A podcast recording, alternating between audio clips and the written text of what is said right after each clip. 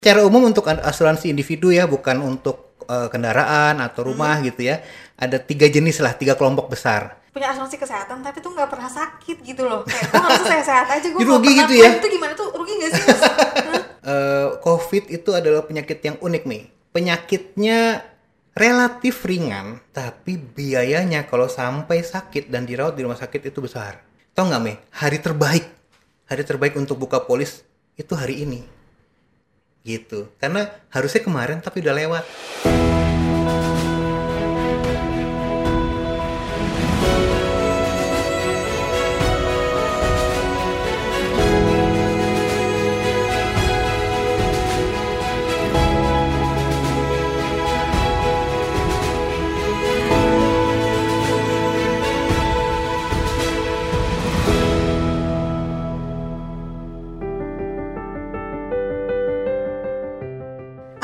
warahmatullahi wabarakatuh Ketemu lagi sama aku Melani di Hijrah Podcast My Hijrah, My Story, My Adventure Hari ini kita udah mendatangkan Kita sudah kehadiran seseorang yang luar biasa Ada seorang pengamat asuransi Yang konon katanya sih hobi banget koleksi polis-polis asuransi nih kita udah kedatangan Mas Agung Nugroho di studio Hijrah Podcast hari ini. Assalamualaikum Mas Agung. Waalaikumsalam. Terima kasih sudah mengundang saya ke sini. Senang akhirnya Mas Agung bisa datang nih Mas ke studio Hijrah Podcast. Sebenarnya kita mau ngobrol-ngobrol. Mm -hmm. Banyak kan aku sering denger nih Mas Agung jadi pengamat asuransi. Senang koleksi polis asuransi nih sih Mas? Penting banget soal asuransi itu. Apalagi lagi pandemi kayak gini ya. Iya betul. Dan uh, saya mau cerita ke teman-teman semua, teman-teman Hijrah semua, hmm. uh, pentingnya apa sih asuransi karena masih banyak banget orang yang masih salah paham tentang asuransi. Benar-benar setuju. Kalau gue sih mas ya, kalau merasa masih muda nih, muda beda berbahaya cileh. Maksudnya muda gitu ya, kayaknya mudah-mudahan masih sehat gitu ya. Jadi kadang-kadang ngerasa nggak perlu-perlu banget gitu insurance. Kalau menurut Mas Agung sebenarnya siapa sih Mas yang sebenarnya perlu ada atau perlu punya insurance itu sendiri? Tergantung jenis asuransinya. Ya, jadi hmm. kalau untuk asuransi jiwa, tidak semua orang perlu asuransi jiwa tidak tidak semua orang. Asuransi jiwa itu karena tujuannya untuk memberikan santunan bagi ahli hmm. waris, maka orang-orang yang tidak punya ahli waris nggak usah punya asuransi jiwa juga nggak apa-apa. Oh berarti tadi tergantung jenisnya. Emang kalau asuransi ada berapa tuh mas? Oh, Oke okay, aku jelasin dulu dari awal ya. Ah, boleh, boleh. Secara umum untuk asuransi individu ya bukan untuk uh, kendaraan atau rumah hmm. gitu ya.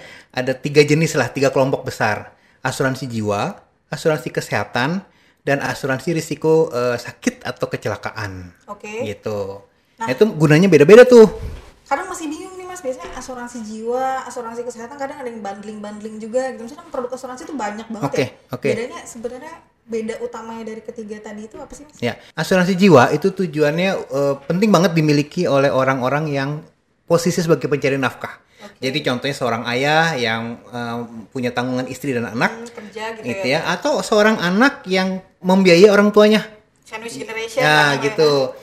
Nah, jadi kalau amit-amit terjadi sesuatu risiko wafat dengan sang pencari nafkah ini, uh, ada santunan tunai yang bisa dimanfaatkan oleh ahli warisnya untuk melanjutkan kehidupan. Gitu kan? tadinya tanggungannya menerima nafkah dari orang ini begitu udah nggak begitu ada. udah nggak ada gimana mereka kan tetap jalankan hmm. kebutuhan hidupnya gitu ya nah jadinya uh, untuk orang-orang ini uh, untuk para pencari nafkah penting banget punya asuransi jiwa nah yang kurang penting dan suka uh, salah juga di kalangan hmm. uh, sebagian masyarakat banyak orang ngebukain polis untuk anak-anak. Jadi kecil -kecil, anak masih gitu ya. kecil-kecil ya belum terlalu perlu Tapi untuk mungkin asuransi karena preminya ringan mungkin ya karena semakin muda kan kecuali kecuali kalau toto orang tuanya nih mau mau bukain polis untuk anaknya yang sekarang masih kecil supaya nanti jadi war, ahli warisan bagi cucunya. Nah gitu. Okay. oh, visioner banget visioner banget gitu ya. Tapi sebenarnya belum prioritas yang lebih penting semua orang harus punya asuransi kesehatan mm-hmm. asuransi kesehatan itu adalah asuransi yang memberikan perlindungan biaya uh, baik rawat jalan maupun rawat inap di rumah sakit gitu. Yeah. Namanya orang kan namanya risiko sakit bisa tua bisa muda nih. Gitu ya, bisa sakit apa pun. Nah, itu biayanya itu bisa besar banget. Nah, makanya penting untuk punya asuransi kesehatan. Tahu nggak Mei, bahwa satu-satunya risiko yang nggak ada batas atasnya itu risiko sakit. Contoh nih gak paling gampang, kalau misalkan kita punya mobil, -hmm. ya mobilnya harganya 300 juta tapi kita punya duit nganggur nih di bank 300 juta di tabungan duitnya nganggur nggak kenapa-napa kita nggak usah punya asuransi mobil nggak apa-apa Kalau mobilnya tabrakan, hilang, kita bisa ganti beli, baru. gitu ya. Iya. Asal idle money ya. Iya gitu. Punya uang, eh punya rumah harga 5 miliar gitu ya. Eh tapi kita punya duit nganggur di bank harga 5 miliar. Eh se- senilai 5 miliar. Maka kalau kita merasa nggak perlu nggak merasa perlu untuk punya asuransi rumah nggak apa-apa. Tapi yang namanya asuransi kesehatan, biaya untuk berobat itu nggak ada batasnya. Mungkin bisa habis 10 juta, mungkin 100, mungkin semiliar gitu ya, mungkin 2 miliar gitu Mungkin 2 miliar continue gitu ya tiap ada tahun ber- 2 miliar, ada 2 miliar. beberapa kondisi penyakit yang asal ada uangnya kondisinya akan terkendali contoh misalnya eh, kelainan ginjal cuci darah. cuci darah itu asal rajin dilakukan itu maka kondisi sang pasien biasanya sehat-sehat aja nah akan jadi masalah kalau dananya untuk melakukan cuci darah itu tidak ada Terbatas apalagi gitu terus yang ketiga eh, asuransi kecelakaan atau sakit kritis Hmm. Nah, kecelakaan atau sakit kritis itu sebenarnya adalah asuransi juga untuk menggantikan income atau menggantikan penghasilan. Jadi mirip seperti asuransi jiwa. Tapi tujuannya adalah supaya kalau si pencari nafkah ini sakit atau mengalami kecelakaan yang hingga mengalami cacat sehingga tidak bisa cari nafkah lagi, dia dan keluarganya tetap bisa mendapatkan penghasilan atau mendapatkan eh, pemenuhan kebutuhan hidupnya. Gitu. Oke, jadi tadi secara umum sih sebenarnya kalau asuransi jiwa itu perlu banget untuk orang yang mencari nafkah, jadi Iya. sumber penghasilan keluarga gitu ya. Iya. Asuransi kritis tadi perlu Pokoknya juga yang yang pencari nafkah pencari nafkah perlu dua nih, jiwa Asuransi sama asuransi ji- eh, kritis kritis dan kecelakaan gitu. Nah, ya Kalau asuransi kesehatan kita semua semua orang perlu. punya kan ya, karena ada BPJS juga kan Betul. ya Mas ya. Heeh. Nah, kadang-kadang yang masih kurang tepat di kalangan masyarakat adalah mereka beli asuransi penyakit kritis untuk persiapan biaya berobat. Sebenarnya enggak, karena sebenarnya asuransi penyakit kritis itu lebih untuk menggantikan kebutuhan hidup gitu. Karena untuk biaya berobat kita cukup pakai asuransi, Asuransi kesehatan, kesehatan aja. aja. Akan beda peruntuk- peruntukannya Peruntukannya gitu. Jadi kalau asuransi kritis nanti uang pertanggungannya untuk melanjutkan hidup sama kayak kurang lebih kayak Iya, asuransi jiwa tadi. minimum gitu ya. minimum adalah eh, kebutuhan hidup suatu keluarga itu Hmm. selama setahun. Jadi kalau mau tahu kebutuhan saya berapa sih untuk punya asuransi kritis gitu ya atau asuransi kecelakaan, eh, tetapkan nilai pertanggungannya sebesar gaji bulanan lah gitu ya dikali 12. Gitu. Nah, itu boleh lah jadi premi bulanan gitu Eh, ya. jadi pertanggungannya, kalau premi kan yang kita bayarin, Uang pertanggungannya. uang pertanggungannya itu ya. Jadi kalau terjadi risiko hidup setahun tanpa harus eh, khawatir atau pusing cari eh, solusi untuk mendapatkan penghasilan. penghasilan. Betul. Mas kalau gue kan bekerja nih ya atau mungkin teman-teman di luar sana juga banyak yang udah bekerja di sebuah perusahaan yang tentunya udah ada insurance nih dari perusahaan gitu itu menurut mas perlu nggak sih kita uh, apply buat insurance pribadi lagi Perlu. asuransi kesehatan lagi gitu perlu ya Perlu, perlu. Setiap orang perlu. jadi nggak uh, kadang-kadang kalau gue sih ngerasa kayak double-double gitu udah ada asuransi dari kantor ngapain gue beli asuransi lagi Betul. gitu nggak sih mas Dulu aja nggak nyampe dua tahun yang lalu saya mikir hal yang sama dengan Mi. Hmm. Nanti aja kalau saya pensiun, saya baru beli asuransi kesehatan, gitu kan? Heeh. Yang pertama adalah yang perlu eh, Mei dan teman-teman juga perlu tahu yang namanya premi asuransi. Premi itu biaya yang kita bayarkan atau kalau misalkan asuransi syariah namanya kontribusi gitu ya. Kontribusi yang kita bayarkan ke perusahaan asuransi itu akan semakin mahal seiring bertambah umur. Iya itu bener banget Gitu ya. Jadi kalau misalkan kita masuk asuransinya di usia katakanlah 25 gitu ya, maka bayarnya sekian. Tapi kalau misalkan usianya kita masuknya di usia 35 tambah Pasti lebih lebih besar. mahal. Nah, Makin tua, apalagi makin mahal lagi gitu ya. apalagi kalau kita baru masuknya pas pensiun umur 55. Hmm. Itu preminya akan mahal banget. Itu satu hal. Tapi kalau misalkan ah tabungan aku banyak bisa lah buat bayar premi, buat bayar kontribusi. Yang kedua satu faktor lagi yang perlu diper- diperhatikan. Pada saat orang mengajukan permohonan asuransi, itu yang dilihat bukan cuman kesanggupan bayar premi doang, tapi kesehatan orang itu. Jadi walaupun kita punya uang banyak banget, tapi tahu kondisi kesehatan kita dinilai tidak memungkinkan oleh pihak asuransi, maka permohonan kita bisa ditolak nih. Sekitar 30% permohonan asuransi itu ditolak oleh perusahaan asuransi gara-gara calon nasabahnya tidak cukup sehat. Jadi misalkan nih, aku udah punya satu kondisi yang tidak mungkin sembuh gitu ya. Aku punya duit ke- eh, banyak banget. Aku datang ke perusahaan asuransi. Saya mau buka polis. Saya berani bayar berapapun preminya. 10 juta, 20 juta saya berani bayar. Kata perusahaan asuransi, mohon maaf pak, kondisi bapak itu sudah tidak sehat. Jadi kita tidak bisa terima bapak jadi nasabah. Gitu. Nah, namanya orang kan makin tua biasanya kan makin turun kesehatannya ya. Udah umur 55 usia, usia pensiun ya namanya ada diabetes lah, ada kolesterol lah, apa gitu-gitu ya. Kalau kita nunggu sampai usia 55 baru punya asuransi pribadi, maka kemungkinan besar ada risiko kita permohonan ditolak. Biar aman mulai aja dari sekarang. Karena pasti kalau kita apply insurance suka ada medical check up juga ya Mas. Ya, Harus tergantung kebijakan dari ya. perusahaannya, perusahaan asuransinya ya. Tergantung beda-beda nih. Tidak semua pengajuan disuruh medical check up gitu. Ada yang tergantung dari eh, besarnya pertanggungan yang kita ajukan atau dari fasilitasnya atau dari jenis asuransinya juga Tapi gitu. yang pasti untuk pencegahan sih lebih baik kita punya insurance dari sekarang ya. Betul. muda, oh, yang ketiga eh, biasanya asuransi kantor itu batasnya tidak terlalu besar. Gitu, limit atasnya. Ha-ha. Nah, kan sekarang kita tengah-tengah pandemi nih. Eh, COVID itu adalah penyakit yang unik nih. Karena belum pernah terjadi sebelumnya di sejarah umat manusia gitu ya. Penyakitnya relatif ringan. Ada mortality rate tingkat kematiannya di bawah 5%. Ada yang meninggal tapi jumlahnya tidak dominan gitu ya. Tapi biayanya kalau sampai sakit dan dirawat di rumah sakit itu besar. Gitu, sampai bisa sampai di atas 100 juta. Biasanya eh, asuransi kantor nggak sampai segitu tuh limitnya. Jadi kita memang penting di cover gitu. Dan eh, orang kadang suka mikir ah kalau saya punya asuransi dengan limit di atas 100 juta pasti preminya mahal. Oh ntar dulu belum tentu. Dicek dulu. Tidak semahal yang anda kira gitu. Jadi kita bisa cek-cek polis, cek-cek Iya. polis berapa premi. Makanya saya senang koleksi polis seperti kata Mei. kolektor polis nih makanya itu karena belum tentu mahal juga ya kalau uang pertanggungannya Iya. besar pasti kita masih bisa lihat kita banyak banget kan opsi ya tergantung dari perlindungan seperti apa yang kita inginkan tergantung dari usia kita masuknya gitu kan terus proteksinya mau sebesar apa tapi eh, untuk perlindungan tambahan itu nggak sebesar yang kita bayangkan tidak semahal yang kita bayangkan gitu Makanya itu penting ya koleksi-koleksi polis asuransi. Mas tadi ngomong tentang rugi di awal, rugi kalau eh, punya insurance dari kantor, terus punya insurance lagi pribadi itu udah kejawab nih ya. Eh, nggak rugi dong tentunya pasti kita ada pencegahan jadi ada yang cover selain dari insurance kantor yang tentunya limitnya terbatas. Nah gimana kalau punya insurance punya asuransi kesehatan tapi tuh nggak pernah sakit gitu loh kayak gue harus sehat-sehat aja gue rugi gitu ya? itu gimana tuh rugi nggak sih pertama perlu diingat dulu asuransi kesehatan itu Hmm? hanya menggantikan eh, biaya pengobatan. Ya, itu itu ya. Oke, noted. Dia tuh cuman bisa menggantikan biaya pengobatan. Dia tidak bisa mencegah datangnya penyakit, gitu ya. Cuman kalau terjadi sakit dan harus diobati, maka dia menggantikan atau eh, menutup biaya pengobatan itu.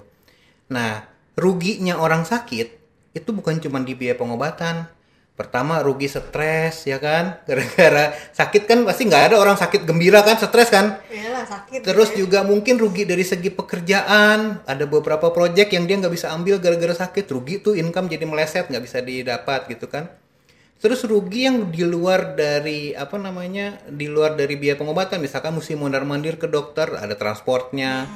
Terus makanannya, beli vitamin, beli apa gitu-gitu ya. Ada hal-hal lain yang harus dibayar oleh orang yang menderita sakit, baik bayarnya atau kerugiannya baik yang berupa sifatnya materi maupun yang non materi, terutama itu ya stresnya orang sakit nggak enaknya gitu ya, sakitnya orang sakit gitu.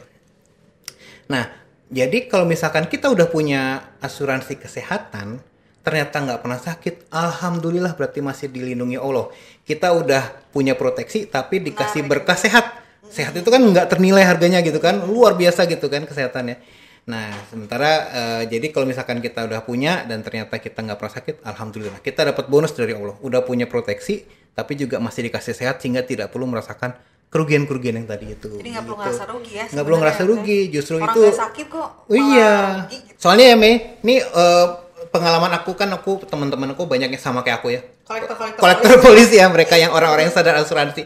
Belum pernah seumur hidup saya yang sudah cukup banyak ini umurnya, belum pernah saya ketemu ada satu orang yang eh bro makan-makan yuk karena gue habis sakit. Alhamdulillah gue habis sakit belum pernah. Alhamdulillah sakit akhirnya Ah, asuransi lu. Iya, alhamdulillah gue sakit. Akhirnya kartu asuransi gue kepake. Belum pernah saya ketemu yang kayak begitu. Orang walaupun punya kartu asuransi yang tingkat VIP, platinum, super platinum, apalah mega platinum gitu ya, begitu sakit keluar ya biasa aja. Dia eh, asuransi itu bukan membuat dia menjadi lebih bahagia, tapi membuat dia berkurang kecemasannya. Kalau orang sakit nggak punya asuransi, yang kepikiran dua nih. Mikirin sakitnya sama mikirin bayarnya. Ini nah, kayak kalau orang punya asuransi, ah, banget gitu ya. kalau orang punya asuransi dia cukup mikirin sakitnya aja. Gimana dia fokus supaya sembuh, supaya sembuh. Gitu ya, masalah biaya udah ada yang menanggung di asuransi gitu. Jadi asuransi tidak memberikan keuntungan, tapi dia me- memitigasi. Apa sih bahasa mitigasi susah ya? Me- Mencegah. mengendalikan kerugian gitu. Gitu, Mei. Jadi bu- emang asuransi itu tujuannya untuk bukan untuk cari untung tapi kita mengendalikan supaya kerugian yang mungkin diter- diderita oleh kita akibat sakit atau akibat risiko-risiko kehidupan yang lainnya menjadi bisa dikendalikan gitu. Jadi biar nggak insecure insecure banget gitu ya. Udah Iya. sakit, nggak harus mikirin biaya lagi gitu ya. Bayangin Mei kalau misalkan aku sebagai kepala keluarga nih tahu-tahu lagi uh, tahu-tahu sakit gitu ya. Pasti kepikiran banyak loh. Aduh, kalau nggak punya asuransi ya, gimana bayarnya? Terus yang kedua, kalau penyakit aku bikin aku jadi nggak bisa kerja gitu ya. Keluarga aku gimana nih? Sekolah anak gimana nih?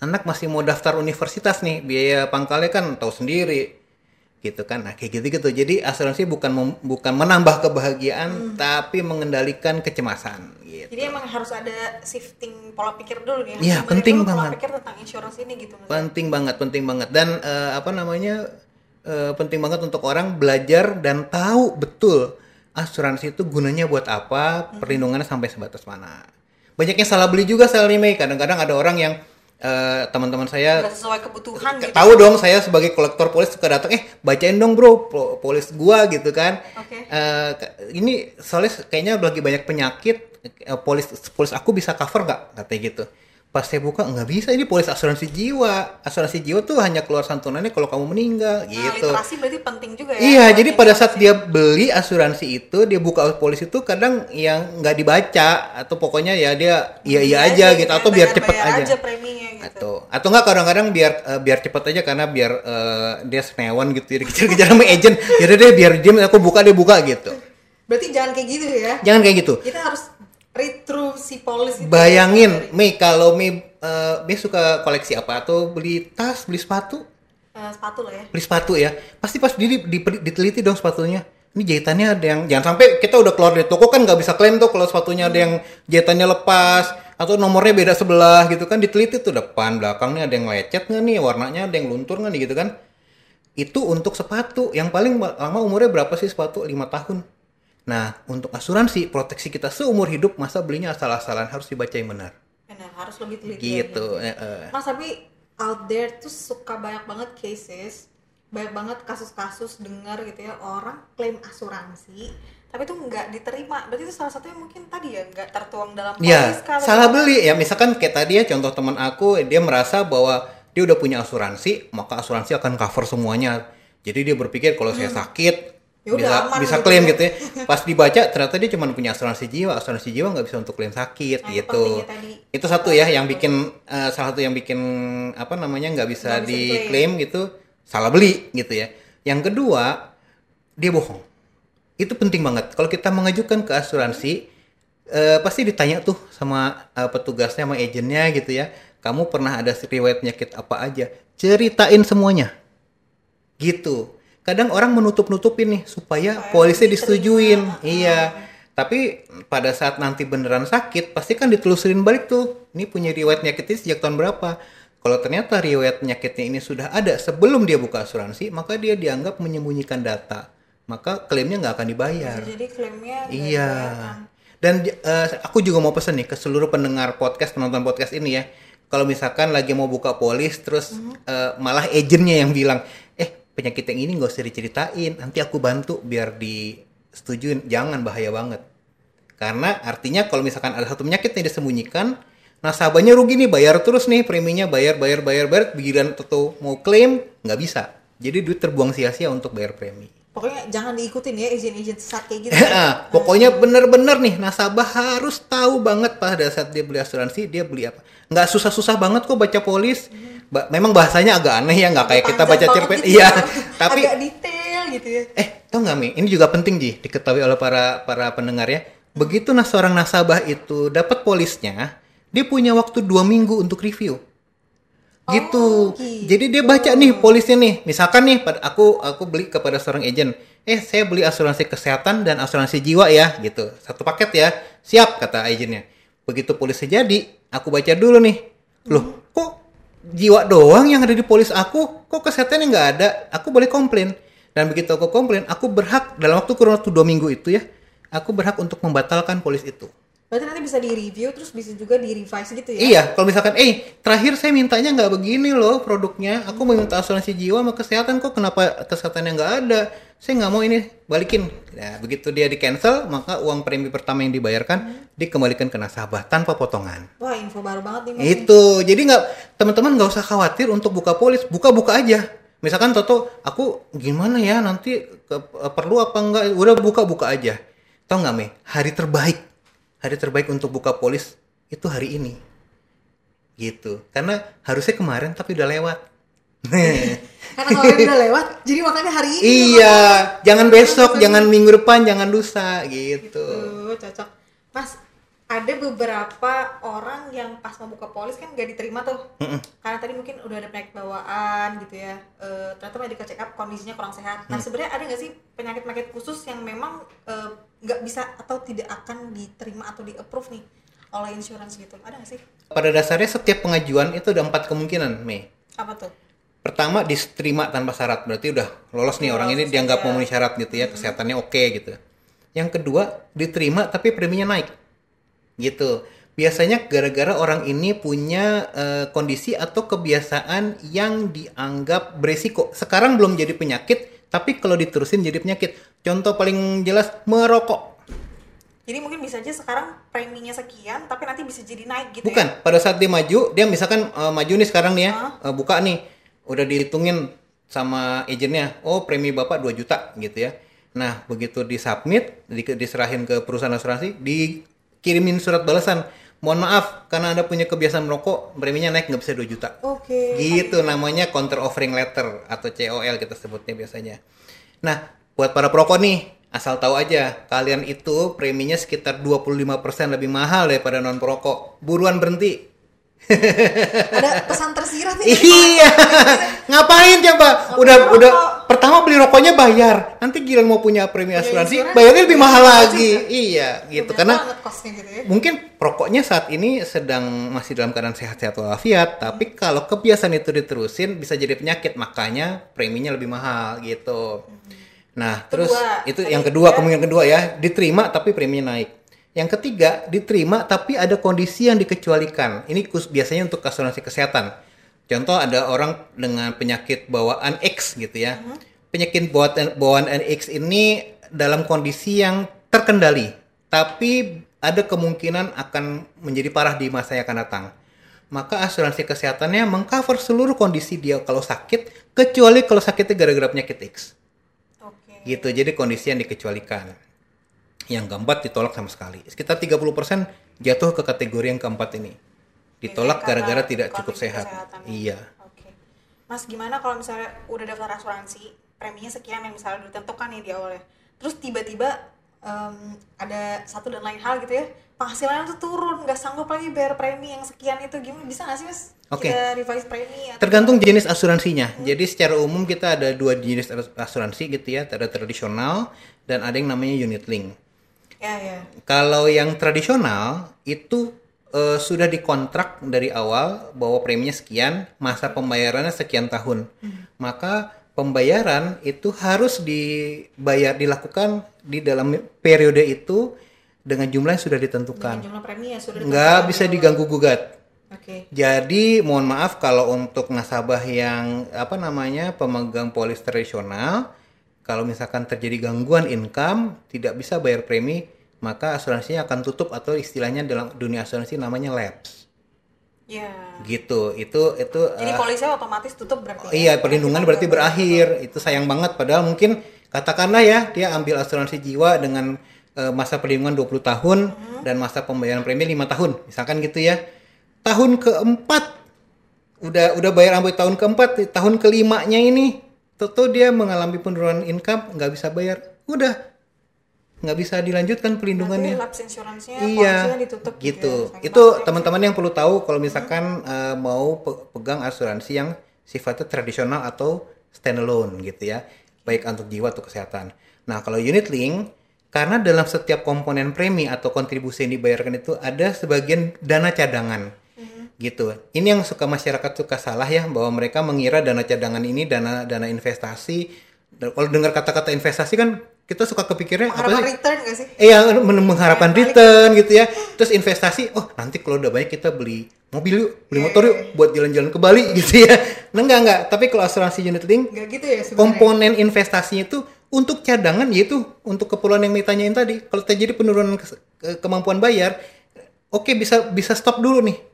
Oke. Bisa stop dulu eh, apa namanya pembayaran preminya gitu kan. Kita makan apa menggunakan cadangan yang sudah terbentuk. Biasanya yang namanya cuti premi itu bisa dilakukan setelah lima tahun. Setelah lima tahun kita bayar premi, Iya, kita nanti bisa ambil uh-uh, cuti premi gitu, gitu. Tapi lebih baik ya dibayar terus karena Hmm. ibaratnya eh, kalau kita bayar terus maka cadangannya itu akan semakin besar. Kita nggak pernah tahu kan di di kelak kemudian hari entah terjadi gara-gara kita amit-amit kena PHK atau kehilangan pekerjaan atau memang sudah waktunya pensiun gitu. Nah, eh, karena udah waktu pensiun udah nggak ada income, tentu jadi kemampuan bayarnya turun, ya kita bisa pakai si cadangan tadi. Jangan tadi ngomong-ngomong tentang investasi.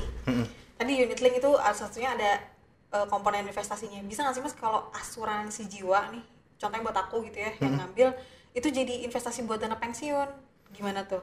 Sebenarnya kurang tepat. Ya biar bagaimanapun tujuan awalnya asuransi itu adalah untuk proteksi.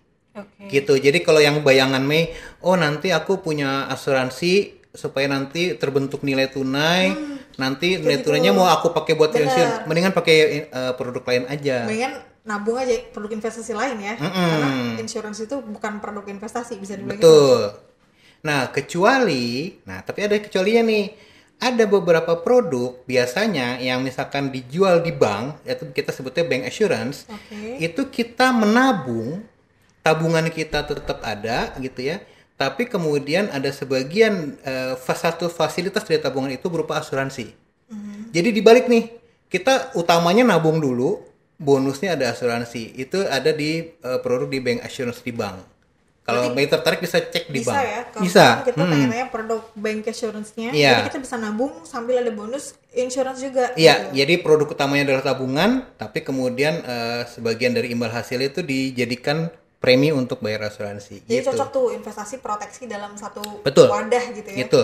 Dan kalau misalkan apa namanya nasabah bank tersebut misalkan tabungannya udah di situ, deposito di situ, ya udah sekalian aja ambil situ juga nggak apa-apa.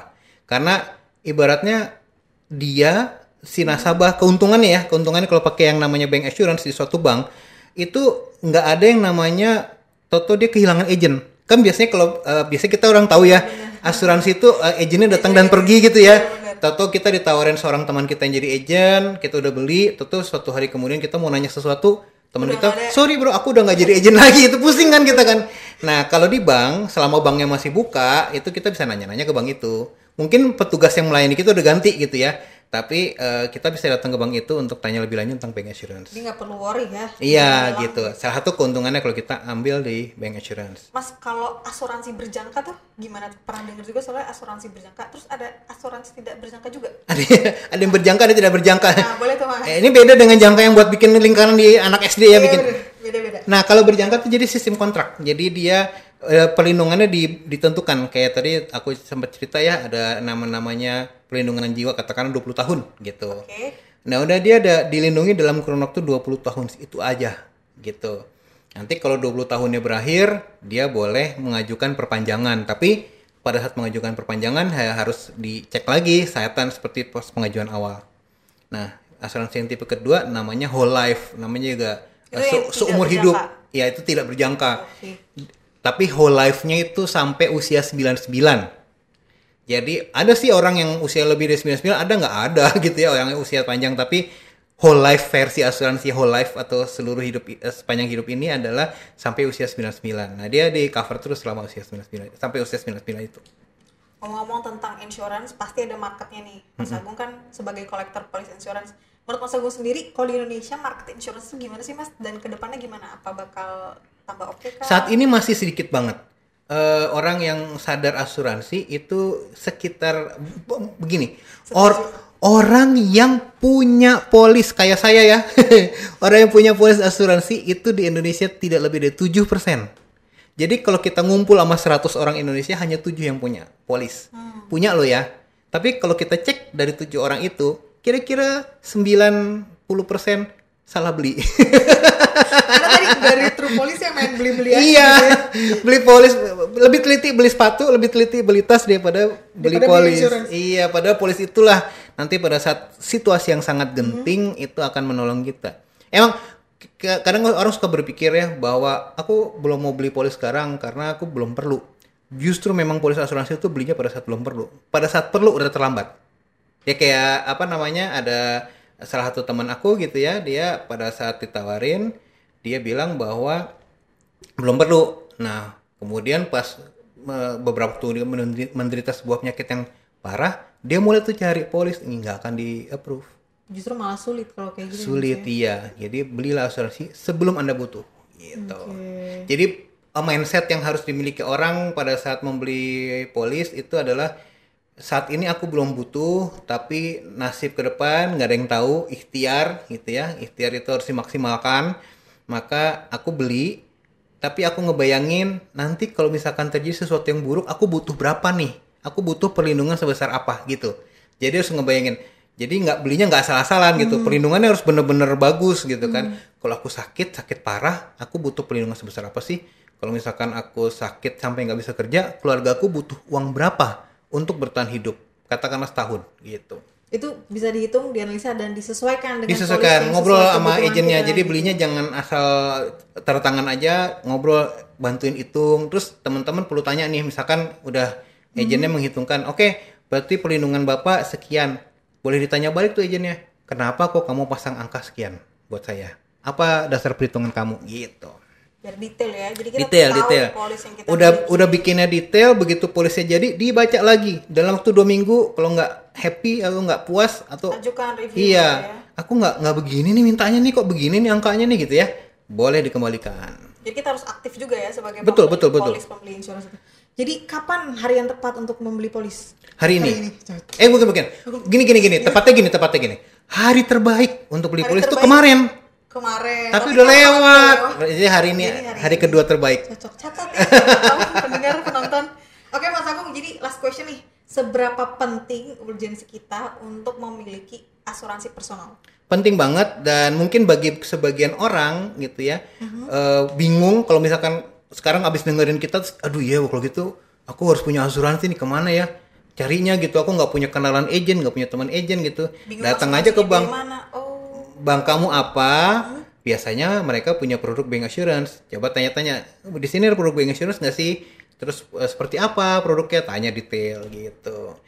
Nggak perlu takut menghabiskan waktunya pegawai kan emang udah tugas mereka untuk menjelaskan. Boleh boleh nanya sebanyak mungkin. Jadi kalau misalkan tanyakan kondisi-kondisinya ya nanti perlindungan ini gimana? Kalau misalkan saya sakit gimana cara klaimnya? Pasti gitu. bakal dijelasin ya. pasti akan jelasin gitu. Salah satu cara termudah untuk punya asuransi kalau kita datang ke bank dan menggunakan produk-produk bank assurance-nya mereka. Daripada bingung-bingung langsung aja main-main ke bank gitu ya. Iya mampir aja ke bank terdekat bank kesayangan anda. Jen. Kita pernah sayang sama bank